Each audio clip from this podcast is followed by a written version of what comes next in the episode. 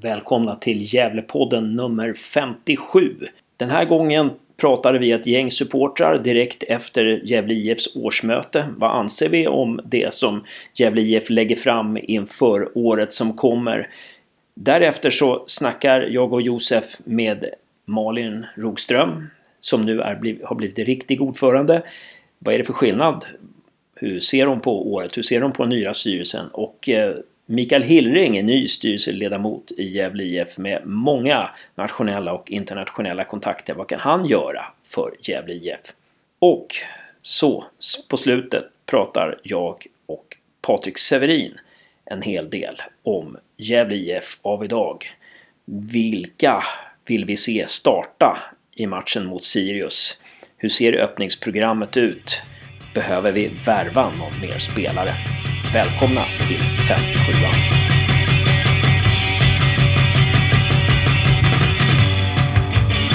Ja, då sitter vi här. Det är, har gått tre minuter efter årsmötet, Gävle IFs årsmöte, som ägde rum, eh, jag vet inte vad det är för datum idag. Är det 15 kanske? Ja. 15 mars 2018 och pressen är ut, utestängd. Vilket betyder att vi har de första intervjuerna, kanske. Och eh, här sitter jag då med eh, lite medlemmar ur Kärkläktaren. Josef är också med i Kärkläktaren. Tjena Josef! Hej Hasse! Eh, och Vad gör du så för? Eh, och sen så sitter jag här med eh, Joppe, Johan Ness, som hallå. är SLO. Ja, hallå! Eh, Jonas Larsson. Tjena tjena! Och Uffe Lindgren. Hejsan! Jag har några spontana tank, eh, tankar här efter eh, årsmötet. Då. Vi, vi, ett publiksnitt. Man, man säger att man har en offensiv budget. Eh, var det, tycker ni också det? Att det var det? Vad säger Jonas Larsson? Och nu kommer Kent Björk in också. Det är jättebra. Eh, vi, en offensiv budget har man. Vad säger du Jonas Larsson? Ja, budgeterar vi var det 1800 i, i publiksnitt. Eh, det ger ändå inte samma glädjekalkyler som det var förra året så att eh, det känns ju bra. Och jag snackade just nu med, med Sebbe här också om att eh, det finns ju alltid de som har det värre när Sundsvall har minus 6,3 miljoner i eget kapital. Och vi går ut med det utgångsläget så får man ändå säga att det, det känns ganska bra i vår situation. Mm. Eh, någon annan kommentar Josef? Jag kan väl tycka att budgetera med 1800 i publiksnitt samtidigt man räknar med att precis slippa kval är väldigt, alltså negativt, är väldigt optimistiskt. Med tanke på att man drog ihop 1250 i snitt förra året och missade precis kval. Hur ska man då få ihop de där 550 persen till? Till en säsong som de räknar med kan vara väldigt medioker. Men, men hur uppfattar ni målsättningen? Man, målet var att slippa negativt kval och nedflyttning och vara bättre än förra säsongen. Det kändes som att man ha, har en målsättning som man inte har gått ut med. Så kände jag i alla fall. Jag vet inte vad... det, ja, alltså, för nu sa man att förra året så gick man ut med målsättningen att komma tvåa. Eh, nu kändes det inte alls lika tydligt. Jag uppfattar det mer som att eh, vi hoppas att vi inte behöver kvala neråt. Men att vi lika gärna egentligen, som de flesta väl, alltså i alla fall vad min målsättning är, att vi ska hamna på den övre halvan av tabellen. Så att det känns som att det är ett spelrum allt däremellan. Liksom. Mm. Men inte, ja, vi kommer kanske inte gå upp i Allsvenskan. Kent Björk? Ja, det skulle vara intressant att höra Johan och Marcus vad, vad de har för målsättning. För, för du, som sagt var, lät lite vagt sådär. Vad, vad siktar man på? Mm. Eh, hade ju en slitsam säsong i fjol och eh, Ja, det kanske saknar rätta målet, rätta visionen som David också varit inne på här. Eh, och, eh, ja, och att man får kontinuitet i, i de som jobbar runt laget. Styrelse, eh, kanslipersonal och även kan behålla spelare som man nu också börjar prata om att kanske inte bara sälja av. Det, det låtit mycket att man, ska börja, att man ska sälja av spelare för att få en bra ekonomi. Det, ja, det låter negativt mm. när man har varit på tidigare möten. Mm. Nu kanske man börjar tänka, ja, försöka odla egna och behålla dem. Mm. Så du kände att det var ganska positivt där? Eh, jämfört, det här årsmötet jämfört med tidigare årsmöten? Att det var ja, på det, på det viset lät det väl lite bättre i alla fall. Det mm. tycker jag. vad tror ni? Tror ni att det kan vara så här att man, att man vill hemlighets... Alltså, man vill vara lite underdog. Johan Mjällby har ju sagt det flera gånger att han gillar att vara underdog. Att det är det som är grejen. Eller vad tror ni? Någon som vill yttra sig där? Att det finns en liksom medveten hållning att man vill vara underdog. Det är konstigt om det finns en medveten hållning om att vara underdog när man fortfarande budgeterar rätt offensivt. I sådana fall borde man ju vara lite mer defensiv i publiksnittsbudgeteringen framförallt. Fast det är kanske är det som avslöjar att man, att man trots allt tänker ganska positivt. Att man budgeterar med 1800. Att det avslöjar på något vis att man har trots allt ganska positiva tankar om, den här, eh, om det här året. Jag vet inte. Ehm, ja, vi hade ju någonting mer där. Hållbar framtid pratade David om. Ni får kasta er in här om ni har någon synpunkt där. Hållbar framtid. Man skulle, man, David eh, Norell Hussein pratade om att först ska en vision. Sen, liksom, sen kan, sätter man organisationen, sen ska ekonomin liksom, styras upp och sist kommer det sportsliga. Eh, ja, det var, det var, jag tyckte det lät rätt vettigt där. Eh, och som, som att man skulle odla profilerna nu mer. Odla profilerna, vad säger du om det? Är det, är det nytt GIF? Det, att man odlar profilerna? Ja, det tycker, jag, det tycker jag verkligen är nytt. Vi har ju verkligen skitit fullständigt i våra eh, spelare. Alltså vi har inte profilerat ut dem. Eh, förut hade vi de här klassiska Hugo och boxar. Alla visste vilka de var. Mm. Men nu vet inte folk vad vi har för spelare. Tycker jag i alla fall. Ut, ut, ja. Det är någonting som behövs i dagens läge med den trupp vi har. Och att man vill ge mer transparens inom föreningen och ut mot de presumtiva besökarna och konsumenterna av produkten Gävle IF. Mm. Säger du nämnde också något, något viktigt där, relationsskapande. Och det, det, tror jag också är, är väldigt att involvera supportrar på olika sätt. Via social media och, och att lyfta in och att använda spelarna rent marknadsföringsmässigt. Mm. Jag har ju också länge pratat om att man borde lyfta fram historien mer och så. Så det kan ju, kan ju bli intressant också om man börjar jobba lite med de bitarna tycker jag. Där tycker jag vi har varit alldeles för dåliga för det är, ju, det är ju verkligen någonting som vi är ganska unika med och så lång och stolt historia egentligen. Mm. Kanske inte har vunnit så mycket i, i modern tid men vi, vi är en, en väldigt gammal förening och, och ja, som, som Joppe var inne på också, det finns ju, finns ju andra stora profiler som kanske inte finns i, i dagens trupp men som har funnits tidigare. Så mm. har, du, har, du, någon tanke Jonas om hur man skulle göra det? Liksom att, hur man skulle liksom lyfta fram vår historia lite mer? Jag tycker att man ska kunna använda arenan på olika sätt. Det är ju naturligtvis också en diskussion med kommunen vad man kan göra och vad man inte kan göra men just nu så är det bara en grå betongklump som man kommer till. Här skulle man kunna ha lite bilder till exempel på gamla spelare istället och mm. alltså försöka ja, försöka använda det som någon slags dragningskraft. Nu är det väl inte så enkelt till att, att få, få mer publik på matcherna. Men eh, ja, det är ett stort arbete tror jag. Man, och man måste liksom man måste tänka på det här. Vad, vad, är, vad är unikt för oss? Liksom, vad kan vi lyfta fram? Mm. Jag skulle kunna tänka mig till exempel att om man går på vippen där eller inför matcherna eller kanske på inneplan eller eh, jag menar om Hugosson, Bernhardsson, Voxlin och de här liksom, klassiska spelarna kommer in, eh, Sulan och eh, Edvardsson och allt vad de heter. Liksom, om, om de kommer in, och undrar om inte liksom det skulle göra sponsorerna tycker att det är ännu mer spännande. De här sponsorerna som är riktiga giffare liksom och, och publiken som var med på 90-talet och ja, början på 00-talet. Där, där, där, tror jag att... Ja, jag tror jag skulle bara känna... Wow. Ja, jag tror också det. Ja. det. Man har ju pratat om det och utnyttja eller använda de tidigare gamla spelarna mer. Mm. Men det har ju inte hänt någonting. Man, ja. ja. men det kanske vi ska göra. Ta in Voxlin till exempel mm. och visa upp och ja, kan sälja 50-50 lotter eller vad som helst. Va? Ja. Jag tror Brynäs är bättre på det där. Mm. Och vi har ju närheten till Brynäs. Eh, det är ju en annan sport men de har ju i alla fall försökt att bli bättre på att marknadsföra sin produkt och, och sina tidigare spelare. Mm. Mm. På, ett, på ett mycket bättre sätt än de gjorde förut. Jag mm. tror Gävle IF skulle kunna samverka mer med Brynäs i, i, kanske mer frågor än vad man gör. Vi är ju grannar nu också. Det här med hissa, hissa... Alltså man behöver inte pensionera tröjnummer. Det, det kanske Nej. inte är fotboll liksom.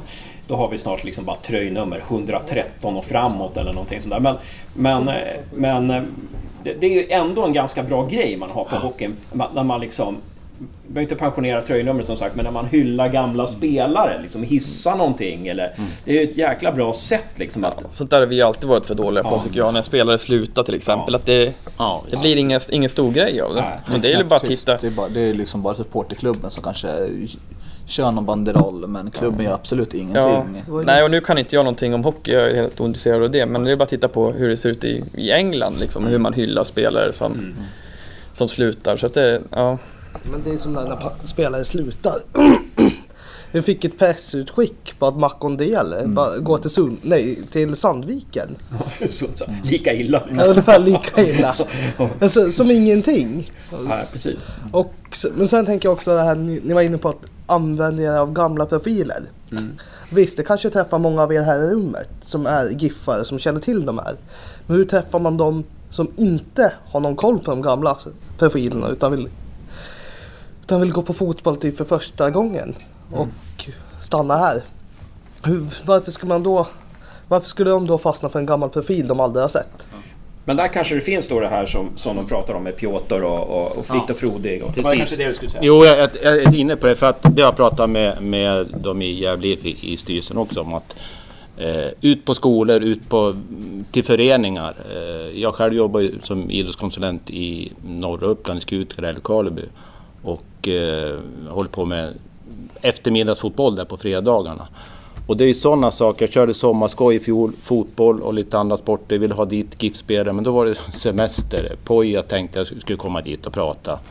Och det är man ju inne på nu, att ta fram spelare som är med på träning. Man kan åka ut till vanliga träningar och bara vara med. Olika föreningar. Johan Mjällby, eh, spelare, Lanto, sån här nutidsprofiler. Då. Så, för, så att de, de väcker ett intresse både bland ungdomar och ja, äldre också. Men, och, och sen tjejer, få, få tjejer till fotboll. Damlaget satsar man ju på nu och det är ju jättebra på det viset. Så, va? Kostar väl mycket i och för sig men jag tror att det också kan generera mer folk, ett större intresse på den kvinnliga sidan. Li, Liv Inrot kanske. Kom och se Liv Inrot ta 100 kilo i bänkpress. I halvtidspaus. Eller vad, vad, vad det är för någonting hon gör. Se henne ta Johan Mjällby i marklyft. Då snackar vi inte 1800 åskådare, då, är då fyller vi hela arenan. Se henne kasta, kasta Johan Mjällby. Men lite också, när vi är inne på damlaget som Malin lyfte fram under årsmötet. Det är ju väldigt likt hur GIF gick upp i Allsvenskan tidigare. Att man har samma grupp människor, samma kontinuitet. Och det gör att de här kan mycket väl gå om Här är laget. herrlaget. Och ta sig hela vägen upp till Allsvenskan. Bara för att de har den här samma kontinuiteten som GIF hade, som herrlaget hade. När de gick upp. Mm. Eh. Ja, det är intressant. Jag, jag tänkte också... ehm, ni får vifta om ni vill säga någonting. Um, eller så får ni säga det. Ehm, men jag tänkte på det här med... Man budgeterar en förlust på 905 000. Det är nästan en miljon som man budgeterar, budgeterar en förlust. Hur tror ni där? Är det där att den här förlusten, det här, det här kommer man försöka liksom täcka med nya sponsoravtal, eller hur? Ja? Alltså, jag, jag tror ju att eh, de har inte visat siffrorna för vad vi har redan. För de visar vad, hur resultatet såg ut årsskiftet. Men nu har vi också sålt eh, Dennis Hymmet, eh, Andreas Andersson. Och eh, gick Poja Poja gick, nej, Poja gick väl efter, pengarna borde väl gått efter tror jag. Ja, Johan Mjällby blev anställd efter nyår. Eh, tror jag det blev i alla fall. Ja, han blev Eh, anställd efter nyår. så eh, vi har ju en större eh, liksom, kassa än vad det ser ut. Eh, så att det, jag tror inte, eftersom ja, det står 900 000 back ska vi gå. Men om det, budgeten blir exakt som de har sagt, då kommer vi hamna på plus. På grund av de försäljningarna. Okej, okej. Är det som ni andra också uppfattar eller? Jag uppfattar det som att annars är en nödvändighet att få ner spelarkostnader och personalkostnader ännu mer. Att vi har fortfarande, alltså med den här spelarbudgeten. Med Gävlemått kanske man borde med en sån här spelarbudget hamna rätt högt upp. Men jag tror att det är väldigt dyrt budgeterat för att hamna 12 uppåt. Jag menar dyrt budgeterat. Alltså Ja, det det är en ganska dyr trupp. Om man bara siktar på att bli 11. Alltså att bli bättre än förra året. Jag tror att om man... Man kan mycket väl hamna 11 med eh, kanske en miljon mindre personalkostnader på spelare. Det borde man kunna göra. Man borde, för att... Jag tror att det är väldigt dyrt. Alltså med tanke på den spelarbudget de har kanske de borde satsa på topp 5. Jag vet inte hur de andra klubbarna har för spelarbudget men det känslan att vi har en väldigt hög fortfarande. Hög omsättning, liksom hög, hög kostnad för spelartruppen ja, om man jämför med andra, andra klubbar. I fjol kan det ju ha varit det i alla fall första året. För man siktar väl som sagt på att komma minst tvåa och, och på så vis gå upp direkt. Och man kunde behålla samma budget i stort sett. Man sänkte väl lite grann då på vissa händer och fötter men eh, jag tror i, i år måste man ju ha sett över det här och eh, gått ner mm, ganska mycket på vissa spelare, det tror jag. Ja. Eh, Jag, jag tänkte på det här med, med kommunen. Alltså relationen med kommunen verkar lite bättre. Eller så är det jag som övertolkar det. Men, men det här med att liksom, kommunen sänker hyran till 30 000 per match. Eh, och nu när David la ut texten så kändes det som att ja, Eh, nej, men vi, sitter, vi ska liksom sitta i förhandlingar med, med kommunen och prata om det här och visa hur mycket vi betyder. Vi måste visa hur mycket vi betyder för att det ska kunna hända någonting. Det kändes inte som att dörren var riktigt stängd där. Eh, förut har man upplevt att, nej för fan kommunen eller, eller jag tolkar som att kommunen de är, kör sitt race och vi kör vårt. Men jag vet inte om ni uppfattar någon undertext där som... som eh. Man måste... Jo, Josef slår på Joppe. Jag vill att han ska inte vad det jag vill att Han ska prata SLO, du kan inte slå en SLO. Blir det avstängning? Det är bara någonting som vi spekulerar om så att eh, vi sitter förstås här och gissar och Ja, hoppas och eh, läser in de små tecknen hos David i det här fallet. Mm. För att kunna tolka det stort. Ja, precis. Men- Ty- Tycker du jag övertolkar lite eller? Eh, nej, det får du gärna göra. Du är ju journalist i det här fallet. Så. Men jag tror inte heller att det, att det fungerar att gå runt och gnälla på kommunen längre. Det är därför den påstår att det är bättre än förr. För att var, annars är det ju under ett års tid har han gått runt och gnällt på att ah, det är så här, de gör så här. Och kommunen blir inte gladare för det. Om de då istället försöker måla upp det att det är rätt bra ställt mellan kommunen och, och Gävle. Så kanske det kan vända i förhandlingsfavör. I alla fall bättre än vad det sett ut tidigare. Istället för att om man säger att allt är dåligt så har kommunen säkert gjort någonting.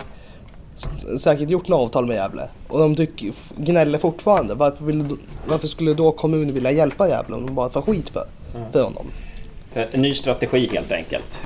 Det kanske är också kopplat till den här Dalkurd-frågan, liksom, att det är ett sätt att skylla över det. Kan jag tycka. Så det- Problemet är ju att vi befinner oss i en sån, i en sån beroendeställning till kommunen. Mm. För Maren hade ju väntat sig att man kanske kunde rusta upp Gavlevallen lite mer än den här gråa betongen som jag har retat uppe på varenda gång jag är. Så, Så när, ja, när man ser den här gråa muren runt plan, det, det ser inte det, så roligt ut. Det finns jättemycket att göra runt arenan och sen så är det där köket också. Det har också varit Ja. en, lång, en lång, lång diskussion. Toaletterna som inte ens har kommit upp än. Jag har ju inga toaletter. Men det är ju nästa bygge. Man vill att ens hemarena ska vara hemtrevlig så att man känner att man är välkommen och att det, och att det verkligen är vår hemmaplan. Ja, precis, precis. Med alla faciliteter som man nu vill ha och önskar. Ja, det ska vara hemtrevligt. där. Ni, ni verkar... Ni har, jag, jag tystade det lite. Ulf pratar. Eh, ni verkar ha någonting där. Ja men det, jag tänkte det här med toaletten som sagt. Premiären är väl om tre veckor. Eh, vi har ju, eftersom Brynäs har brutit avtalet med GIF om toaletter. Finns det inga toaletter överhuvudtaget. Som kommun skulle bygga så har de slutat förra året. Men det har inte hänt någonting. Eh, det finns väl bara då toaletter på bortaläktaren och på huvudläktaren. Två toaletter. Ja, det måste ju komma till alltså. Det måste ju komma till.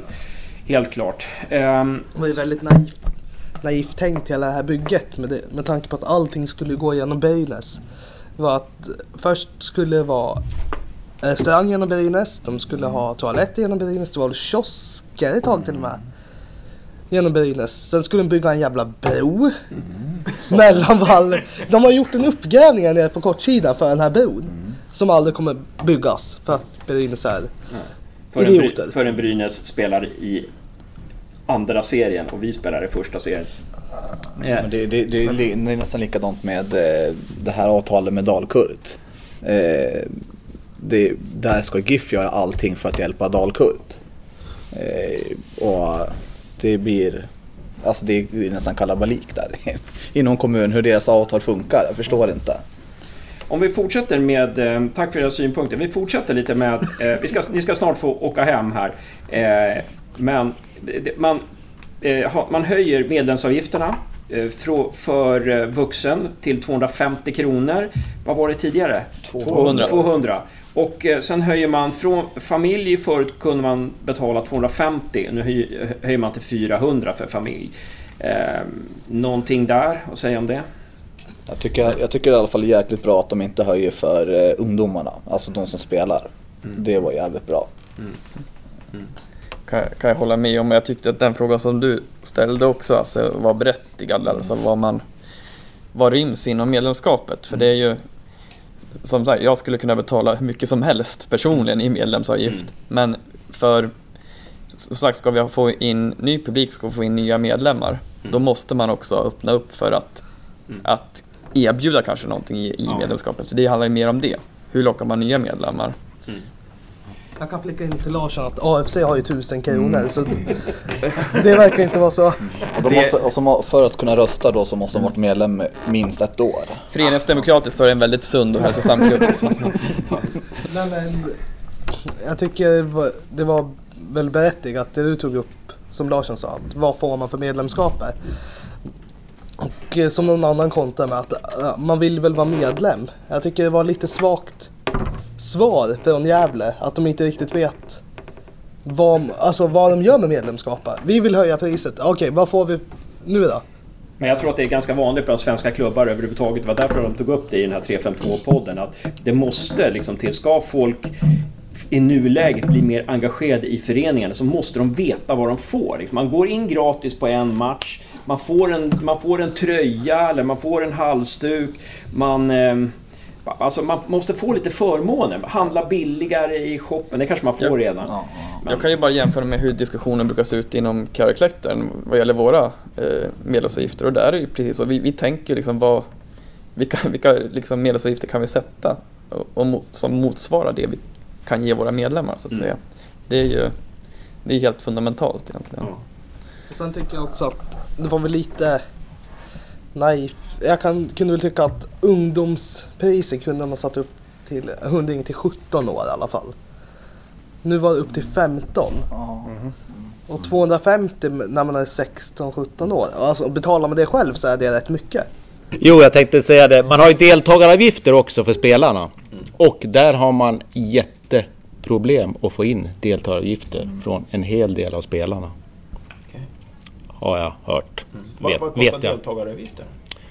Ja, jag vet inte vad det är. Om det är runt, vad var det, 1500. Okej. Eh, och det kunde För vara mer också. Alltså? Ja, för uh, ungdomsspelarna vad jag förstår. A-lagsspelarna behöver inte betala någonting. Nej, det tror jag väl inte va? Det har jag aldrig hört talas om i alla fall. Det var en bra fråga. Eh, men där har man jätteproblem att få in deltagaravgifter. Och eh, eh, många föräldrar förstår inte att det kostar pengar att driva en förening. Och att eh, de får utrustning, resor, eh, träningar, bollar, eh, tröjor. Allt kostar ju. Plantid. Jätteproblem att få kontakt med många föräldrar också har man. Vet. Ja. Så att det är inte lätt alla gånger. Där har vi ett problem. Det finns ju eh, liksom i GIFs upptagningsområde så är det ju ganska... Vi har ju till exempel Andersberg och sånt där. Där de som bor har kanske inte så mycket pengar. Det är ganska stora summor, man pratar om 1500 på, en, på ett år. Exakt. Det är väldigt höga siffror. Men Eh. samtidigt 1500, för vilken ålder är det? Ja, det har jag inte koll på riktigt. Men det är för ungdomar i alla fall. Det det borde vara vara fem. med i Gävle IF, en deltagaravgift. 15-17 år så är det fortfarande rätt billigt med tanke på många andra klubbar. Ja, allt är ju relativt för många föräldrar. Vi Kan fick, många. Ja, vi fick reda på att de hade budget, hade budgeterat med en andra plats eh, förra året och det var väldigt optimistiskt alltså. Ehm, och man ska ju vara, man ska ju vara optimistisk eh, där. Eh, men det... ehm, Med tanke på medlemsavgiften, får jag flika in en sak ja. till också? Alla ni som sitter och lyssnar på det här nu helt gratis och inte bidrar till Gävlepodden via Patreon. Tycker jag också, då får man väldigt, väldigt mycket. Det är ju det motsatta då. Då får man otroligt mycket, så att säga, gratis inom cit- citattecken. När man egentligen borde bidra. Jag. Vill bara liksom resa den tanken. Intervjuer med Erik Niva och massa GIF-spelare. Ett, ett, liksom, ett fullmatat avsnitt varenda vecka, punktligt. Så bidra till Gävlepodden via Patreon. Tack så jättemycket. Vi har, alltså, vi har kört den 51 veckor i rad nu. 51, pl- plus att jag kört dubbelavsnitt några veckor också. Eh, Eh, vi kan väl också bara säga att det var ett gap mellan Gavlevallen och Sörby. Att det, det, när, sen man flyttade till Gavlevallen så, så har det blivit lite... Eh, ja, har de som tränar på Sörby har känt sig lite, liksom, eh, ja, lite alienerade. Så där skulle man jobba lite mer. Det är väldigt stor skillnad också på faciliteterna. Alltså här är en underbar konstgräsplan på Gavlevallen. Medan på Sörby så, eh, ja. Det går inte, alltså Sörby är många klasser under. Det går inte riktigt att jämföra. Fast du har en ny konstgräsplan på Sörby. Ja, bakom ja. Ja, Men den är ju fortfarande en bit upp till det. Ja. Den är inte skottad heller på vintern. Nej, nej. Okej. Och sen kan jag inflika, vi, vi kör igång, eh, siktar på att köra igång nattfotboll. Kanske eventuellt i sommar ut, ute på Sörby. Eh, på konstgräset och eh, naturgräset. Och eh, eh, har också planer på att köra igång nattfotboll i Gävle IFs regi eh, under hösten, vintern, våren kommande. Så att eh, vi efterlyser sådana som vill vara med i det som ledare, spelare, aktiva och bjuda in de, de flesta. Alltså, man kan ju ha olika ålderskategorier där också men bjuda in alla som vill komma då och vara med. Och då säger Kent Björk, och hur eh, mejlar man dig då eller? Man kan mejla mig ja. Ja, Vad har du för mejladress? Går man in på din jag- hemsida? Eh, eh, Ja, man kan mejla mig på kent at kentbjork.se. Ja. Det är inte så svårt. Va? Kent at kentbjork.se. Om man är- vill vara med och bidra på något sätt. Som ledare. Eh, ekonomiska bidrag kan väl också komma. Men eh, alltså att man får igång en puls där uppe och eh, att man visar att det är Gävle IFs arena där också. Grymt. Grymt. Ehm, Ska vi ta en avslutande sak då? ja, ja, det, det, vi har väl pratat om i princip allting. Nej, en sak har vi Ja, kvar. Att de väljer efternamnen på tröjorna i år. Just det. Det, det var väl, ja, vad säger ni om det då? Vad säger Lindgren? Det har jag längtat efter i åtskilliga år. Det är underbart att det äntligen når vår underbara förening. Ja. När hände det sist? Att man hade efternamnet? Jag tror aldrig. Det, vi har aldrig haft Ja, det. Nej. haft det. Ja. Ishockeyn började med det 1984. Okej, shit. Och vi ligger långt efter. Jävla Inga hockeygrejer här eller? Ehm, ja, men det, det, det är bra. Kul. Eh, Ja, men det är jättebra. Eh, nej, men hörni, vi har nog sagt det mesta faktiskt. Eh, om, Sunkan förresten sitter med i valberedningen. Hade jag fa- fattat det rätt? Att Daniel Sunkan Sundström är med i valberedningen? in honom, ja. Mm, det, är ju kanon, det är ju kanonbra. Och en offensiv budget har Gävle IF lagt i alla fall. Eh, det ska bli... Ja, det, det ska bli spännande att se vad, vad, vart den här säsongen eh, leder. Nu är det ju Sundsvall eh, snart, men när ni lyssnar på det här så har Sundsvall-matchen redan varit, så den pratar vi inte om. Eh, ja, men hörni, tack så väldigt mycket för att ni tog er tid. Eh, Tack Ulf Lindgren. Tack så mycket. Ja, tack tack, Josef. Tack Johannes. Tackar. Tack Jonas Larsson. Tack och bock. Tack Kent Björk. Tack, välkomna till Sirius. Genrepet mot Sirius. Genrepet mot Sirius, just det, som är den 24, lördag den 24 april. Har jag för mig att det är. Mars va? Mars. Ja. Jag skulle bara kolla att du var med Josef. ja, just det. Eh, ja, men jättebra. Då stänger vi butiken där.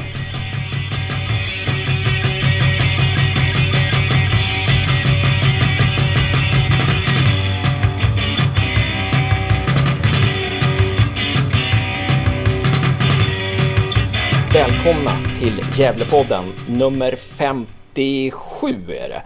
Eh, och det är måndag när det här sänds. Men vi står några minuter, eller en timme kanske, är det efter årsmötet. Vi har först suttit och pratat eh, några fans eh, och analyserat i en halvtimme ungefär årsmötet. Det blev kul för er att lyssna på. Men nu ska vi ta och presentera en ny eh, ledamot i styrelsen, Mikael Hillring, var det rätt? Korrekt, stämmer. Tack så Eh, mycket. Ja. Och eh, Malin Rogström som, är, som har blivit, eh, grattis, du har blivit ordförande eh, på riktigt nu. Ja, tack så mycket. Det är fantastiskt att få det förtroendet. Och Josef är med också. Ja, eh, jag har inte gjort något spektakulärt men Du har inte blivit utröstad ur podden än. Eh, nej, men det är jättebra att du är med. Eh, och själv heter jag Hasse. Men om vi ska, om vi ska börja med dig Malin så, och, och kolla lite. Nu är du eh, ordförande på, på, på riktigt då, för du har varit tillförordnad förut. Är det någon skillnad? Liksom, Nej, jag ser väl inte direkt så. Kanske är det som du sa, att man får uppdraget på något sätt på riktigt. Men i övrigt så ser jag att eh, arbetet kommer vara detsamma. Att leda styrelsearbetet fortsatt framåt. Kämpa med de ekonomiska förutsättningarna och eh, se till att vi får så bra förutsättningar som möjligt för barn och ungdomar och våra elitlag förstås. Precis. När vi pratade med dig förut i, i eh, podden, i TV-podden, bland annat, vi har pratat med dig flera gånger, men, men då så sa du, jo det var i TV-podden, då så sa du så här att ja, ska, jag vara, ska jag vara med i styrelsen så, så, så ska det vara folk som är med liksom, och kan lägga 8 till 10 eh, timmar i veckan på det här liksom, och, och ge järnet. Känner du att du har fått en sån styrelse nu? Ja, 8 till 10 timmar. Jag tror att jag sa kanske 3 till 5. Okej. Men, eh, nej, men vi behöver, eftersom det är ett så smalt och slimmat kansli med fem stycken anställda och en jättestor förening med bred verksamhet så behöver vi styrelseledamöter som är beredda att gå in och hjälpa till och göra skillnad. Om det är att mentorera och stötta en varsin tjänsteman så det räcker och det kan man göra på telefon och så vidare. Men man måste vara beredd att lägga ner lite tid, det tror jag är jätteviktigt. Och jag känner verkligen att vi har fått en jättebra eh, styrelse nu med väldigt kvalificerade eh, medlemmar, ledamöter menar jag. Eh, så det känns väldigt bra. Ja. Jag tror vi har jättebra förutsättningar. Ja, bra. Det är, ju, det är ju du som blir då eh, ordförande och så har vi ju Torgny Balkefors eh, som, som kommer in som ny ledamot. Han har spelat fotboll i division 3, eh, gillar Tottenham, men han har andra, han har andra kvaliteter som uppväger det. Eh, och sen så har vi också eh, Ronald Robles eh, som inte kunde vara med här idag men eh, som har eh, ja, jobbat Eh, på Sandvik och har eh, många meriter när det gäller företagande. Och sen har vi Micke Hillring också som har spelat i GIF. Eh, och det stod på, på, eh, på skärmen där när ni presenterade Micke eh, att, att du har spelat i GIF, du har ett stort nätverk inom svenskt och internationellt näringsliv också. Det, det låter jättespännande. Eh, spelat i GIF. På, när spelade du GIF? Det är ju må- Välkommen till podden förresten. Tack så mycket, säga. tack så mycket. Det är ju många år sedan nu, man, man, man har själv blivit gammal. Eh, men jag började ju väldigt eh, tidigt och det var ju min första klubb eh, som jag tror var 6 eller 7 år. Så jag gjorde väl en, en, en 15 år i klubben då eh, som var jättetrevligt och det har ju fostrat också mycket till den man är idag. På det idrottsliga planet men även som man kan liksom ta med sig in i, i arbetslivet. Och när det gäller då eh, kontakter som man har så, så jobbar jag också på Sandvik. Eh, så där med internationalisering och se också hur andra klubbar runt om i världen om man får möjlighet att, att träffa och se hur de arbetar kan bidra säkert med en hel del tankesätt och idéer. Eh, född och uppvuxen i Gävle och eh, har själv varit egen företagare här också och genom det också varit med och sponsrat en, en del eh, föreningar här i stan. Så att man, man har byggt upp ett nätverk eh, som man har här och som jag tror är jätteviktigt för, för klubben överhuvudtaget. Och det är ju en utav, eh, jag skulle nog säga Europas äldsta klubbar också, eh, inte bara i Sverige. Och, eh, Tittar man igen då på att man har lite kontakter utomlands så var jag i, i, eh, England här för några veckor sedan och eh, fick då tillfället att eh, träffa några från Sheffield United som är faktiskt en av världens äldsta fotbollsklubbar. Bara för att behålla lite idéer. Så det, det är jättetrevligt och jag kan nog ta med mig lite in till föreningen när det gäller de bitarna också. Och någon speciellt där som du tänker på när, som, som du blev speciellt fascinerad av? Ja, men det, jag tror att det är klubbkänsla. Vi, vi har pratat lite också eh, idag på, på mötet här med, med relationer och vad, vilken relation man har till klubben. Och det här tror jag är jätteviktigt och eh, det är en av de sakerna som jag tror blir lite avgörande framöver här också att man har en relation till klubben. Då är man villig att stötta i vått och torrt här också. Så uh, hur bygger man relationer uh, och hur når man ut till människorna liksom, i samhället? Mm. Det här med att du har bra kontakter internationellt och nationellt inom näringslivet. Eh, kan det vara en fördel för Gävle IF? Och på, på vilket sätt kan det vara en fördel? Jag tror man ska titta i det, i det lilla först och främst, alltså gräva där man står eh, och titta på de förutsättningar som finns. Och eh, det är där hjärtat kommer in. Men däremot tror jag också man ska bli inspirerad ifrån kanske andra klubbar, mindre som stora och se vad de gör för någonting. Och en tanke bara som jag tog med mig hit idag, det är att titta att vi har ju varit lyckosamma tycker vi att eh, fostra spelare och, och eh, sedan låta dem gå vidare ut i världen. Eh, det skulle vara jättekul om vi kunde få fortsätta göra det till, till andra klubbar, kanske till större klubbar också. För då har man också bevisat att man är en förening som satsar på sin ungdom, kan bygga vidare och skapa förutsättningar eh, för ungdomar och eh, ja, elitspelare här också framöver. Mm. Det tror jag det kan sätta också Gävle IF på, på fotbollskartan i världen. Eh, så jag, jag, tycker vi ska sätta ribban högt. Vad ska ha höga mål helt enkelt. Mm, vad kul, vad kul.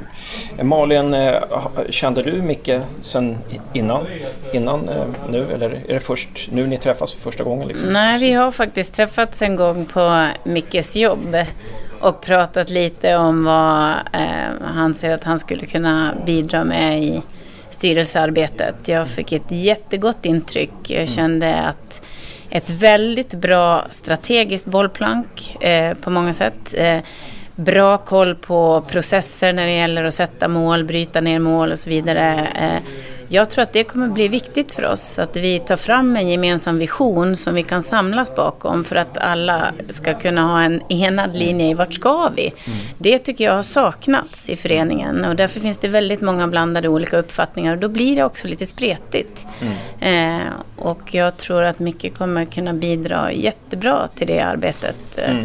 och att eh, verkligen också få förankring eh, i det. Eh, sen jobbar ju Micke också som affärsutvecklare så han har mycket kloka tankar kring eh, affären också. Det mm. behöver vi, det tillskottet mm. behöver vi i Gävle IF. Så jag ser jättemycket fram emot att få eh, sitta i samma styrelse som honom. Mm. Vad roligt, vad roligt att höra. Tack så mycket. Jag får bara lägga till en sak där också när man säger det, just det med affär. Det är inte bara affär utan det är, det är lag vi pratar om, att, vi, att bygga lag. Att ett team mm. helt enkelt som ska ta det här vidare. Mm. Absolut. Josef, Jag tänker fråga till Micke. Eh, du har en massa spetskvaliteter så. Har du någon speciell vision? Eller någon mål just du vill uppnå med det här att sitta i styrelsen? Du menar rent personligt? Ja. Eh, inte personligt på det viset utan det, det är mer att för klubbens del. Eh, styrelseuppdrag eh, får man lite till och från. Eh, men man hoppar inte på allting utan det här är någonting som jag också känner med hjärtat. Liksom att det är någonting som man har arbetat med förut inom klubben. Man har bidragit, man vet ungefär hur det fungerar. Eh, sen så har mycket hänt under de senaste åren som jag tycker är positivt i klubben också just med nya arenan och eh, vad som händer runt hela det här området faktiskt. Eh, så eh, jag tror att eh, jag är med här för att bidra till klubben än att klubben ska bidra till mig. Mm. Vi pratade med Erik Niva, väldigt, väldigt stolt över det, igår i podden. Då. Han sa två saker som jag tyckte var otroligt intressanta eh, ur Gävle-perspektiv. Dels så sa han så här, för jag sa, ja, Dalkurds eh, eh, miljardärer har ju skjutit in 19 miljoner, 20 miljoner i, i eh, klubben nu liksom för att täcka upp eh, otroliga skulder och sådär. Och 20 miljoner, ja det är, ju, det är, ju, det är ju stor skillnad, så här, men 20 miljoner är egentligen inte mycket. Det är egentligen, alltså en, mellanstor, en klubb i en mellanstor svensk stad ska kunna eh, få ihop 20 miljoner eh, ganska lätt. Det är bara att svenska klubbar är så dåliga på, att, eh, på affärsverksamhet. Eh, Ica, Ica-affären runt hörnet drar in, har ju högre omsättning än vad Hammarby har. liksom fast Hammarby har ett starkare varumärke och så vidare. Och så vidare. Vad säger ni om det? Ja, men jag tror att det finns jättemycket att lära och jättemycket att förbättra. Eh, det finns ju en stor utmaning i det här att gå från en slags ideell förening till större professionalisering, vilket krävs idag om du ska ha i alla fall elitlag och bedriva elitfotboll. Eh, och på den resan är Gävle IF och det finns många av våra eh, kamrater eller kombatanter i Superettan som också är på samma resa. Och det gäller att vi kan ta de här stegen varsamt, verkligen med respekt, tänker jag, mm. för föreningsdemokrati demokrati, medlemmar och allt det fantastiska som bär eh, en förening. Men att varsamt också professionalisera vissa delar. Eh, jag menar, idag behöver man till exempel en ekonomiansvarig Mm. i en förening av den här storleken för att ha ordning och reda på saker Ja. och ting. Eh, och jag tror också att vi kan bli mycket, mycket bättre på att paketera och berätta vad är det vi gör. Vi pratade idag på årsmötet om samhällsengagemanget. Oerhört viktigt. Gävle IF har gjort jätteinsatser. Det vittnar Micke om själv, hur han har fostrats i föreningen och så vidare. Och gör jätteinsatser varje dag. Men vi har varit ganska dåliga på att berätta vad det är vi gör. Och att vi nu startar läxhjälp för våra akademispelare för att hjälpa Gävle kommun med att eh, 25 procent av killarna går inte ut med eh, gymnasiebetyg som är godkända och inte av våra killar utan totalt sett i Gävle kommun. Det är ju en sån sak där vi faktiskt kan bidra och göra skillnad. Och jag tror att vi måste bli mycket bättre på att berätta att vi gör det också. Precis. En sån, en, ett sånt argument är ju väldigt bra gentemot kommunen till exempel. För att visa vad man gör och att kommunen ska satsa på er. Så här. Men jag tänker, ett sånt argument, det var vi inne på lite när vi intervjuade David i podden också, att ett sånt argument är bra i, i den riktningen, men det är ju inte särskilt så här, det ger ju inte folk på läktaren. Folk på läktaren bryr sig inte om om ni har läxhjälp. Eh, alltså, det kommer ju inte fler, fler människor att titta på er. Nej, men, Men- Då, då kan man koppla tillbaka till det som Micke var inne på lite så här. Vi vill ju eh, skapa talanger, talanger som bär, talanger som bär ända ut i Europa. Eh, och om du mår bra och om det går bra, där är skolan jätteviktig för en kille i gymnasieåldern eller en tjej i gymnasieåldern. Eh, då presterar du också bra. Så jag tänker att det hör faktiskt också ihop. Ja, man bygger en ryggrad i klubben. något sätt. Jag skulle vilja lägga till lite där också för att din fråga handlar också lite grann om sponsring och, och sponsring är lätt att det blir enkelriktat, alltså man får pengar för någonting. Frå, från mitt perspektiv inte- och från mitt synsätt så är det egentligen en, eh, lite grann av en relation där också. Du har två parter som ska vara lyckliga tillsammans. Precis. precis. Och eh, jag tror att eh, kan man eh, bygga på den förutsättningen att, att man ger någonting tillbaka också så kommer man att få mycket mer också och du kommer kunna eh, förhandla dig till saker och ting också som kanske inte finns i klubben idag. Och eh, när det gäller relationer och, och eh, få människor att gå på fotboll så är det många saker som, som hör till. Varför går man på fotboll? Eh, en sak är ju självklart att, att det är spännande, det är kul och det är en atmosfär. Men jag tror att man, man lägger göra mycket, mycket mer. Och eh, jag tror också att de som sponsrar, hur de nu sponsrar, också vill ha någonting tillbaka. Och det kan man få genom olika sätt. Men att man är överens om vad det är för någonting man ska ge tillbaka också. Ser du som det, det, det är en ganska viktig fråga som ni kommer att diskutera i styrelsen. Vad företagen, vad spons, de som bidrar med sponsring ska få tillbaka. Ja, eh, man, man kan väl se lite så här att, att återigen då en, en, en sponsring, vad, vad innebär det för någonting? Och eh, det är också någon form av eh, avtal som man förbinder sig att, att leverera till. Eh, jag tror ju så här att det finns jättemycket också att jobba på på kostnadssidan, inte att skära så mycket, det är inte det jag pratar om, utan jag tror att man kan se det på olika saker. Att vad, vad hittar man olika värden någonstans för de olika parterna som ingår i sånt här avtal? Och Malin var inne på lite grann att det kan ha att göra med den sociala verksamheten. Men jag tror samtidigt att företagen i regionen tycker att det är bra att kunna locka till sig talanger också. Och det kan man göra till exempel att man har en bra idrottsverksamhet, att man har en bra rörelse som stöttar det här företagets verksamhet. Och där tror jag också finns otroligt mycket att göra och mycket mer att göra. Eh, Du bra. tog min fråga. Jag tog den och, och vilken, vilken var den? Just det här med eh, lite vad man ska få tillbaka som sponsor och lite vad har ni för, har ni lagt upp en ny strategi kring det eller är det något ni arbetar på eller finns det något, har ni kommit in på något spår? Vi kanske kan vända oss till Malin där för Micke har varit i, varit i ledamot Jag för tycker- 20 minuter. tycker Micke ska ha svar på det här nu. Nej, men det finns ju ett uppdrag som ligger på David som ny klubbdirektör också med hans inriktning som är tyngre marknad. Eh, att ta fram en strategi som ska vara långsiktig också när det gäller att bygga en mer stabil marknadssida i Gävle IF. Men det finns inget färdigt att presentera utan de har precis börjat, han och marknadsgänget. Och han kommer också involvera styrelsen faktiskt redan nästa vecka eh, när det gäller hur de tankarna går. Mm. Bara, bara slutligen, den andra grejen som Erik Niva sa, det var det här med, det kanske har med visionen att göra. Han sa liksom, det är så viktigt att man får med sig folk på tå, att man appellerar till känslorna. Att folk känner, ja, den här resan vill jag vara med på. Att det inte är så mycket intellekt, utan få med folk liksom, yes, sådär. Mm, mm. Är det sådana tankar ni också har när ni ska liksom, utarbeta en vision, eller? Absolut, alltså när det gäller eh, att, att bygga saker tillsammans så, så bygger man mycket på, på, på känslor. Eh, fotboll, fotbollen är ju liksom väldigt känslomässig överhuvudtaget. Du, du är superglad när det går bra och du är eh, arg när det går dåligt. Eh, svenskar är generellt väldigt dåliga på att visa känslor och, och jag lär mig nog ställa mig där också eh, bakom den tesen. Eh, men vi kan alla bli bättre och kan vi jobba då med känslor att, att bygga någonting vackert omkring det om jag får uttrycka mig så, så, så, tror jag också man kommer väldigt långt. Och där kanske transparens är ett bra ord. Att våga öppna upp och våga liksom prata om saker och ting som är svårt för klubben och verkligen få förståelse vad man har att arbeta med. Eh, I det här fallet då så kan det vara allt från ekonomi till talangfulla människor, locka till sig folk och eh, även kanske eh, eh vad ska jag kalla det för, Säl, sälja spelare som har ehm, en, en vilja att komma ut i världen, alltså skapa förutsättningar för andra. Eh, för jag tror samtidigt som man också kan ta lärdom från näringslivet att, att låta människor få, få blomma ut så att säga och det behöver inte alltid vara den egna organisationen. Däremot så ska man stå med öppna armar och ta tillbaka om de skulle vilja komma tillbaka för att då kanske de har en ryggsäck med erfarenhet och, mm. och så vidare som de kan ta med sig tillbaka till klubben i det här fallet. Och jag tänker vi har en fantastisk historia att bygga på. Det har funnits en enormt tryck kring Gävle IF i historien.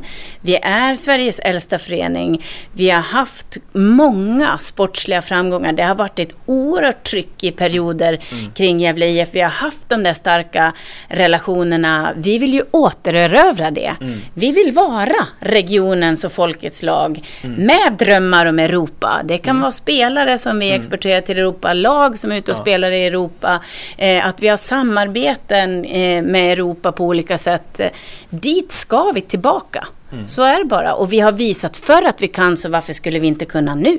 Mm en suverän slutkläm på det här snacket med er. Tack Micke, tack Malin, tack Josef. Tack Hasse. Tack själv. Eh, tack. Vi ses eh, i kommande poddar. Och tack för ett jättebra jobb. Tänk att ni snart har ettårsjubileum. Det ja. är ju helt fantastiskt. Ja, Grattis! tack så mycket. Tack.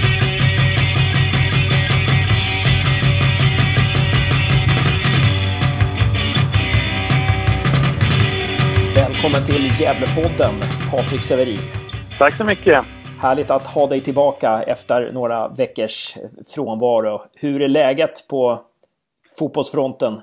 Det är väl ganska bra faktiskt. Det är ju nära seriepremiär nu. Det är bara ja, den här helgen kvar. Sen, sen drar det igång. Det har ju gått otroligt fort med tanke på, jag tror det är väl vintervädret som gör att det känns som att det skulle vara långt kvar till seriepremiären. Men det är faktiskt bara två veckor eller knappt det nu då, så det blir intressant ja, Gävle bör, började ju eh, lite knackigt eh, mot Brage. Eh, eller mot ett, Team TG började man ju mot där och släppte in två enkla mål. Sen var det Brage, fick man en riktig käftsmäll. Och sen började kuppen och sen började det se lite bättre ut. Och så har det sett bättre och bättre ut för varje vecka. Men, men som sagt, det, det, det börjar närma sig premiär och tycker du att Eh, var du nöjd med det du fick se mot Sundsvall? Tycker du att den matchen gav dig eh, de svar du ville ha? Ja, alltså eh, vi har ju de problem vi har eh, och de eh, syns i matchen mot Sundsvall också. Jag tycker att laget sitter väl ihop ganska bra om man jämför med förra året och så. Det känns helt okej. Okay. Eh, men däremot så har vi lite svårt att eh, få fast bollen framåt eh, och kanske skapa målchanser i den utsträckning man vill. Men samtidigt så ska man komma ihåg att nu har vi bara mött allsvenskt motstånd under en längre period förutom då mot Syrianska när vi ställde upp med kanske ja, vårt U21-lag då. så att det har ju varit tuffare motstånd än vad vi kommer att få möta i serien också. Så det är ju lite svårt och, och veta exakt var vi står någonstans när, när motståndet kommer att läggas på den nivå som vi kommer att ha i serien. Då. Så, så kan jag tycka. Så det känns som att vi kanske borde ha fått in en eller två matcher mot lite sämre motstånd också för att kunna jobba med, med anfallsspelet lite mer. För det blir ju onekligen tuffare när man möter allsvenska lag hela tiden här. Ja, precis. Vi, vi, får ju träna väldigt mycket på försvarsspel. Och eh, när vi hade Marcus Bengtsson i podden för några vecka sedan så sa han ja men det, det, är bra med de här allsvenska lagen också. Jag får möta bra motstånd för då får vi träna på omställningar. Eh, nu, tycker inte jag, nu tycker inte jag att det blev så mycket omställningsspel mot Sundsvall utan eh, det var ganska mycket försvarsspel från båda håll. Ja, ja nej det stämmer. Alltså det är klart att man får ju träna på mycket omställningar, ja, i teorin i alla fall, att det blir så när man möter bra motstånd. Eh, men samtidigt så har vi ju haft en uttalad målsättning om att vara ett spelförande lag. Eh, så att, och det är ju väldigt svårt mot allsvenska lag naturligtvis eftersom de är och ska vara bättre än vad vi är. Eh, men möter vi lag från samma division då så blir det ju lite annorlunda. Vi kommer ju inte bli utsatt för samma press Eh, och samma kvalitet eh, i motståndarlagen. Eh, så att det, är lite svårt att veta var vi står när vi, när vi nu ska börja spela mot, ja efter matchen mot Sirius här nu i helgen och så ska vi börja spela mot lagen i samma serie och då, då får vi ju veta mer var vi står någonstans. Men ja, det är ju anfallsspelet som man sätter frågetecken kring. Eh, så är det ju onekligen. Ja, precis. För trots att Sundsvall är ett allsvenskt lag och kanske ett mycket bra sådant, det vet vi inte men eh, jag tycker att de, de, verkligen, de fick verkligen till organisationen i slutet på serien förra året. Eh, men trots att Sundsvall är, är ett allsvenskt lag så, så tänker man att vi bör kunna skapa lite fler klara målchanser än vi gjorde i lördags. Vad säger du? Ja, det, det håller jag absolut med om. Eh, vi spelar ju med ja, kanske en man på topp då. Eh, och det blir lite tunt kanske. Eh, samtidigt så är det väl så att det är ju svårare att få upp mittfältet mot bättre motstånd också när man ska upp i omställningar för det kostar ju ganska mycket kraft att ta de löpningar som vi måste ta. Eh, och får man då jobba mycket utan boll först och sen när man väl vinner bollen så ska man göra omställningen. Då, då krävs det mycket kraft i benen för att klara av det. Möter man lite sämre motstånd så får man ju hålla bollen lite mer själv först också. Så att det blir på... Ja, det är svårt det där. Men, men absolut ska vi försöka, vi måste kunna skapa bättre chanser eller fler chanser oavsett motstånd. Eh, det måste vi kunna göra även i, i, i serien sen för att eh, det kommer att avgöras i straffområdena. Det kommer att vara en väldigt jämn serie i Superettan. Och är vi inte bra i straffområdena då kommer vi få en tung säsong. Eh, så där är man ju lite orolig för vi har ju tappat så många mål från i fjol och som ska ersättas då till i år. Och jag menar, det finns en anledning till att Hymmet och Ajeti nu spelar i Allsvenskan. De höll ju den nivån så att säga. Så att det är klart att det är tunga tapp och vi får se om vi klarar av att så att säga täcka upp de tappen här nu när serien börjar. Gävle säger ju att de har jobbat ganska mycket med anfallsspelet eh, nu på slutet. Eh, vilka linjer ser du i anfallsspelet just nu? Ja, alltså det har ju varit mycket omställningslägen egentligen och, och, det är ju först mot Syrianska som i första halvlek där som vi liksom kunde dominera spelet he, ja, helt och hållet själva. Men jag tycker det, det, återigen, det är svårt att säga när man inte har sett laget spela mot, eh, ska säga, likvärdigt motstånd utan man har mött lag som ska vara bättre hela tiden. Då, då blir det svårare att se eh, de här tänkta linjerna högre upp i plan jag tycker vi försöker rulla igång bollen ganska bra ofta eh, nerifrån. Men sen vad som händer när man kommer upp med bollen, då måste man få fast bollen först och sen jobba därifrån. Och det har vi haft svårt med mot de här bättre lagen, absolut. Och, eh, ja, klarar vi inte av det i serien heller, då blir det jättesvårt att ha ett bra anfallsspel. Det var det vi var väldigt duktiga på med hymmet i fjol. Eh, att vi fick fast bollen och kunde liksom börja spela på motståndarens planhalva. Han och Montiel var ju väldigt duktiga i det spelet se om vi klarar av samma typ av spel i år då. Annars får vi ju säkert förlita oss till löpstyrkan på kanterna. Både Kralj och Piotr har ju bra fart på benen och ja, det kanske är därifrån vi ska attackera mer än som vi gjorde i fjol när vi attackerade mer i mitten med Hymmet och Ajeti. Så vi får se. Det kanske blir lite mer kantorienterat. Mm. Ja, precis. Eh, därför att det blir ju väldigt jobbigt att spela försvarsspel om bollen kommer i retur väldigt snabbt och, och om, om, om det är svårt att göra mål så blir ju ja, försvarsspelet blir ju eh, ja, påverkas ju av det för att då kan man ju inte göra några misstag alls. Ingenting får ju läcka då om man har svårt att göra mål. Ehm, så att ehm, ja, rent mentalt så, så vore det fint om vi kunde börja skapa lite mer klara chanser. Ja, och framförallt också sen hur det påverkar motståndarna. För att eh, som i fjol då när vi hade Ageti och Hymmet och, eh, på hösten här så då, visst, då var ju för, liksom, motståndarna lite rädda. Man visste att går man bort sig då är det målchans och då smäller det.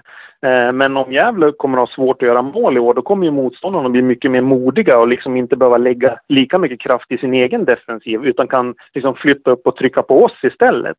Så att det blir liksom på två sätt det där. Det blir inte bara vi som blir påverkade, utan även motståndaren kommer att vara påverkade. Så därför vore det väldigt bra om vi hade någon som slog igenom med dunder och brak och pillade in ett antal mål i början, så vi kan oroa motståndarna att de inte kan liksom trycka fram laget lika mycket som de kanske vill, utan de blir lite oroliga för att vi ska göra mål också. Och det är väldigt viktigt. Eh, ja, men om vi jämför med förra året då, vid den här tiden, då var det ju eh, då såg det absolut inte bra ut. Vi åkte ner till Landskrona och blev utspelade där nere. Eh, men hade vi åkt ner med det här laget till Landskrona så hade vi, så hade vi ju inte blivit utspelade. Det, det är ju ganska säkert i alla fall. Att det, det, ser lite bättre ut än vad det gjorde förra året vid den här tiden. Eller vad säger du?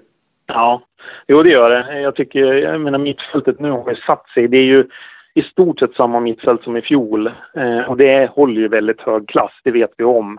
Eh, och det är ju ändå navet i, i laget att säga, att mittfältet eh, orkar hålla upp spelet. Eh, men det, det är anfallsspelet som, Eh, jag tror att vi kommer att se många jämna matcher i Superettan i år. Och jag tror att vi kan bli svårslagna, men jag tror också att vi kan få svårt att vinna matcherna. Eh, ja, vi kan, det kanske kan bli många oavgjorda i år eh, om försvaret håller i. För att eh, jag har svårt att se att vi ska liksom kunna ösa in mål som vi gjorde under hösten förra året. Utan det kan bli kanske 1-1 och typ den typen av resultat. Och förhoppningsvis att vi kan vinna med 1-0 då. Eh, tillräckligt stor utsträckning för att haka på någonstans i mitten. Ja, det, det ser fruktansvärt jämnt ut. Jag ser inget lag som egentligen kan gå loss. Eh, utan det, kan, det här kan bli en serie som alltså... eh, det kan skilja sju poäng mellan ettan och lag 16 alltså efter tio ja. omgångar. Det, det, det, det ser snuskigt jämnt ut alltså. Ja, lika när man tittar i botten av tabellen så man ser inget lag heller som man känner att den där måste komma eh, ja, klart sist eller någonting sånt. Utan, och vi såg ju i fjol hur eh, lagen slog varandra till höger och vänster under hela hösten och det känns som att det kommer bli samma typ av serie i år också. Så att, eh, ja, det, kan, det kan bli en nagelbitare igen. Men förhoppningsvis så är vi med högre upp i serien. Mm. Ja, det skulle betyda oerhört mycket om vi var det. Eh, men om vi kommer, ut, eh, om vi kommer in på lagets utformning då. Eh, vi kan ju gå igenom lagdel för lagdel. Men och, och, och, där skulle jag vilja börja att vi snackar om anfallsspelet som jag varit inne på en hel del. Just nu så har vi Adam Bergmark Wiberg, Erik Törnros, Jakob Hjälte och sen så har vi då eh, eh, Fitim Kastrati, om vi nu ska räkna honom som anfallare. Vi har de fyra och det känns lite tunt alltså. Och jag, jag, mm. jag, ja, det är väl där, där, vi skulle behöva få in någon. Men det är samtidigt svårt av var... Då, då, måste vi ha in någon som verkligen förstärker laget. Eh, men eh, ja, hur ser du på anfallsbesättningen där och möjligheten att få in en spelare innan seriestart? Eh, ja, jag håller med. Det är ju det ser ju lite tunt ut, men man jämför ju med fjolåret också naturligtvis. Och vi var ju ändå ja, bäst eller näst bäst under hösten med det starka laget vi hade då. Men, men alltså allt beror ju på vad man har för målsättning inom föreningen. Alltså, jag, jag tror att eh, det här, den här anfallsbesättningen den är ju ung och, och lovande och Törnros vet vi inte riktigt vad vi har än, har varit skadad och Castrati vet vi inte heller riktigt vad vi har än. Vi vet att både, framförallt Adam har ju eh, en intressant utvecklingskurva. Eh, nu fick Hjälte göra mål här sist också, vilket var väldigt nyttigt för honom. Eh, men att, att tro att de ska kunna ersätta de vi tappade, det eh, vore ju nästan att sticka huvudet i sanden. Eh, men om man som förening har målsättning att det här året ska liksom, vi ska bygga lite grann och se till att klara oss kvar och stabilisera allting. Då kan det räcka, absolut. Men då måste man liksom vara på det klara med att det är så också. För förra året var det ju mycket prat om att vi skulle försöka gå upp i allsvenskan på en gång igen.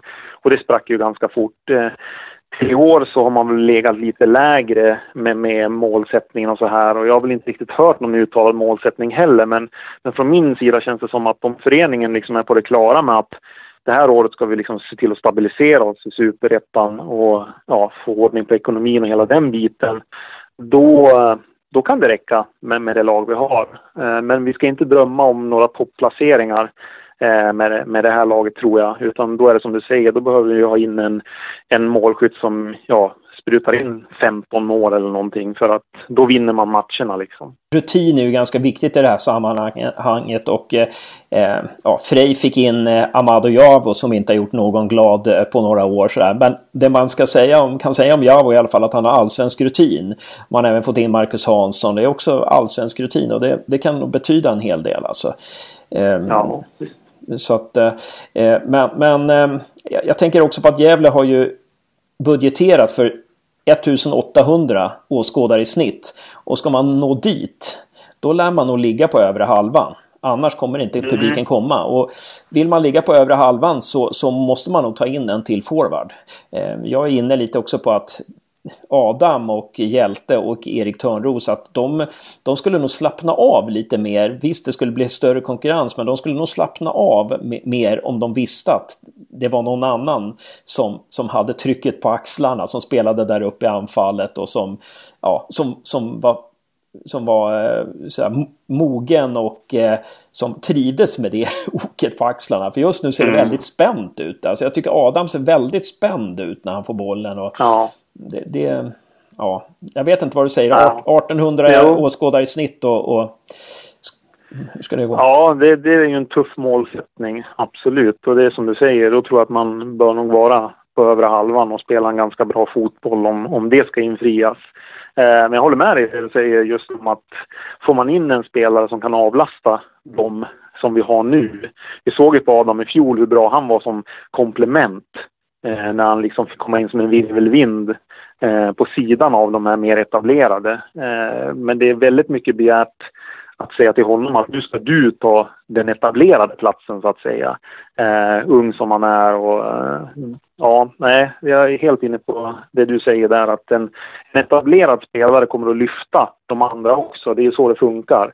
Men sen finns ekonomin för eller inte, det har inte jag någon aning om så att eh, det återstår att se då. Ja, sen kan man ju säga att eh, ska man bygga en ekonomi eh, och ska man bli ett attraktivt lag, ska, ska man bygga en ekonomi så måste man vinna matcher. Och, och, och i en jämn serie och om man ska vinna matchen jämn serie så kanske man måste, kanske det här är skillnaden mellan att eh, kunna bygga en ekonomi och inte bygga en ekonomi. Och då kanske, då kanske en till forward är en investering snarare än ännu en kostnad.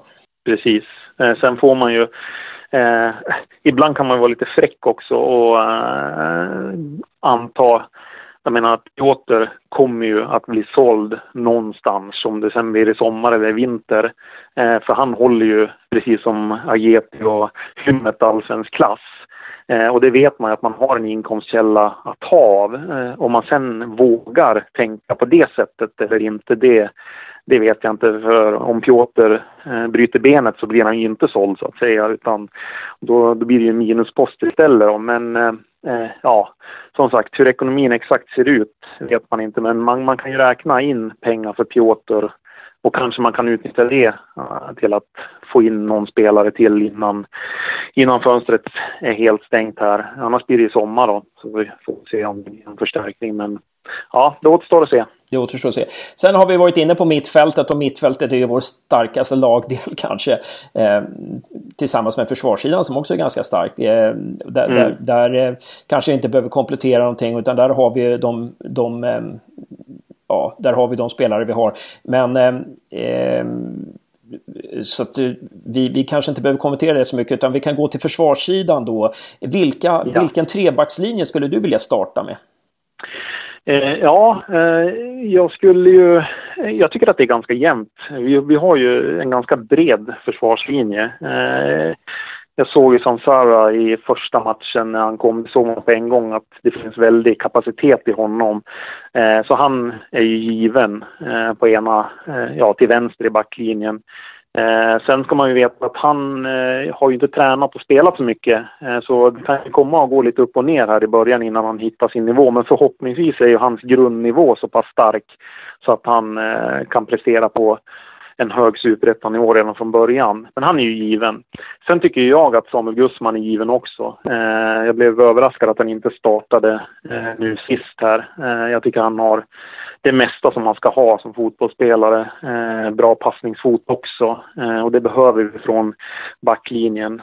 Men sen beror det på eh, vem den tredje är då. Eh, det är väl JB och Florén som ligger närmast och det Eh, kan vara från dag till dag kan jag tycka. Eh, båda två har ju sina förtjänster. Eh, men ja, någon av de två så får vi se då hur Sarko utvecklas. Sen ska vi komma ihåg att han kommer från division 1 eller division 2 faktiskt.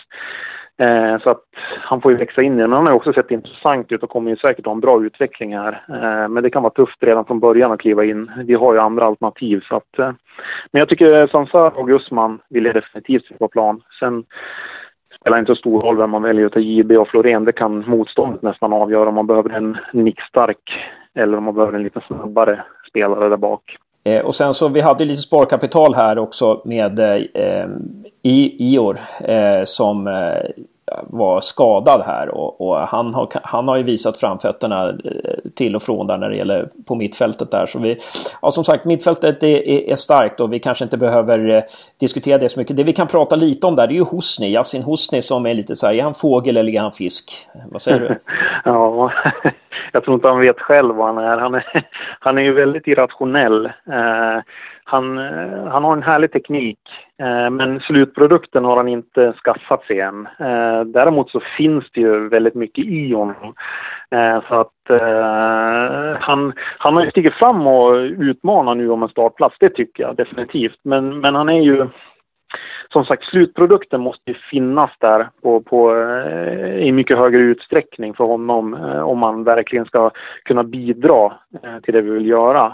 Men han har utveckling i sig så det blir intressant att följa honom i år för se om, om han tar några steg till. Eh, gör han det så tycker jag han ska vara med. För nu från början så tror jag att vi har lite bättre alternativ. Jag tycker eh, samspel som Sansara och Ior hade i eh, första halvlek där mot Syrianska, de, det synes verkligen att de trivs att spela med varandra. Båda två tänkte på samma sätt, att man, man kan hålla bollen i trängda situationer genom att spela vägg och våga spela på markerad spelare.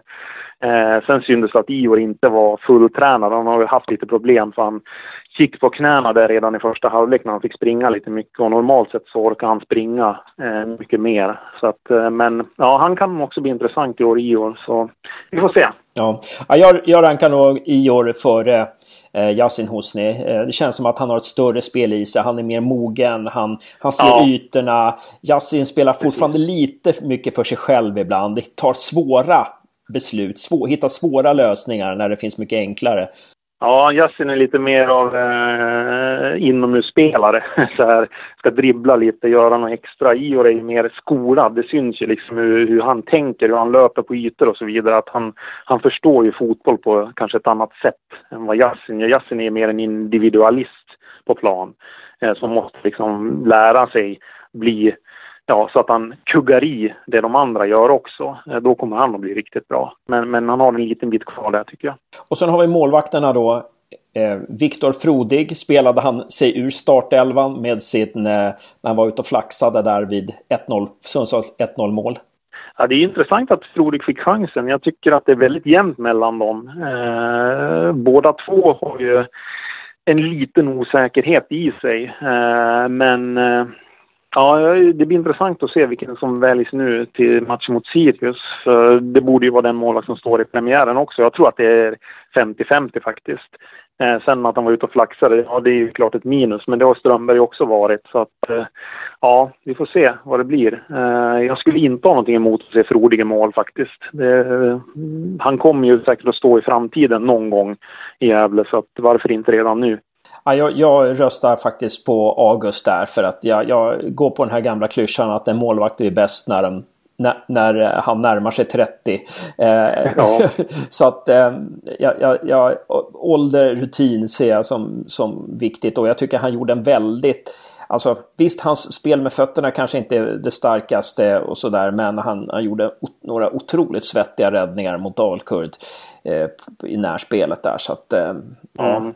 Ja, jag missade ju den matchen för här, men, nej, men visst absolut. Eh, det, det, det är jämnt mellan dem och jag tror att de väljer August, men eh, vi får se hur det blir. Vi får se.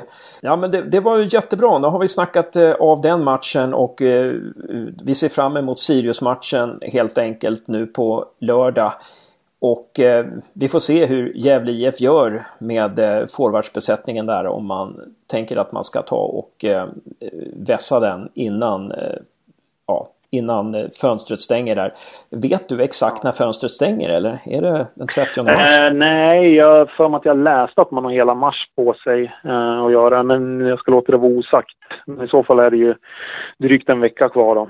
Eh, men sen är det ju också, vi har inte sett Törnros på ett tag, hur illa det är med honom. Eh, skulle det vara en naggande skada då är man ju nästan tvungen att få in någon eh, innan fönstret stänger också. Men det har jag inte hört någonting om faktiskt. Nej, Ja, just det. Och sen har vi premiär mot Brage då. Bort, borta premiär den 2 april. Och, eh, eh, det, och sen möter vi Värnamo. Det är väl Värnamo Nej, Värnamo, hemma först? Va? Värnamo hemma först ja, den 2 april. Och mm. sen är det mot Brage den 9 sen april. Är så, är, så är det. Ja. Eh, eh, vad säger du om den öppningen? är det bra att vi börjar hemma och sen att vi spelar mot just de lagen? Ja, alltså om man tänker Match mot Värnamo i fjol var ju ingen höjdare. men den, den kan vi sudda bort ur minnet nu. Men, men jag satt och tittade lite grann på hur, hur det ser ut här de första matcherna. är ju mot lag som kanske kommer att ligga på under halvan. Eh, även om det kommer att vara väldigt jämnt så är det svårt att säga. Men vi börjar med några sådana matcher, inte bara de första två utan det är några till. Sen så blir det lite tuffare när vi möter kanske tilltänkta topplag eh, omgång 5, 6, 7 eller någonting sånt. Så det vore väldigt tacknämligt om vi kunde klämma in ett par segrar första tre, fyra matcherna. Eh, för det kanske vi behöver så vi inte hamnar i den här uppförsbacken som vi hade förra året. För det, det, liksom, det kan ju sitta i minnet hos spelarna om det börjar gå dåligt från början. Så, så en bra start är väldigt viktig för det här laget. Det tror jag faktiskt. Ja men suveränt. Stort tack Patrik Severin för att du ställde upp i Gävlepodden. Tack för dina kloka synpunkter. Stort tack för Gävlepodden. Säger jag då. Nej, det är fantastiskt bra.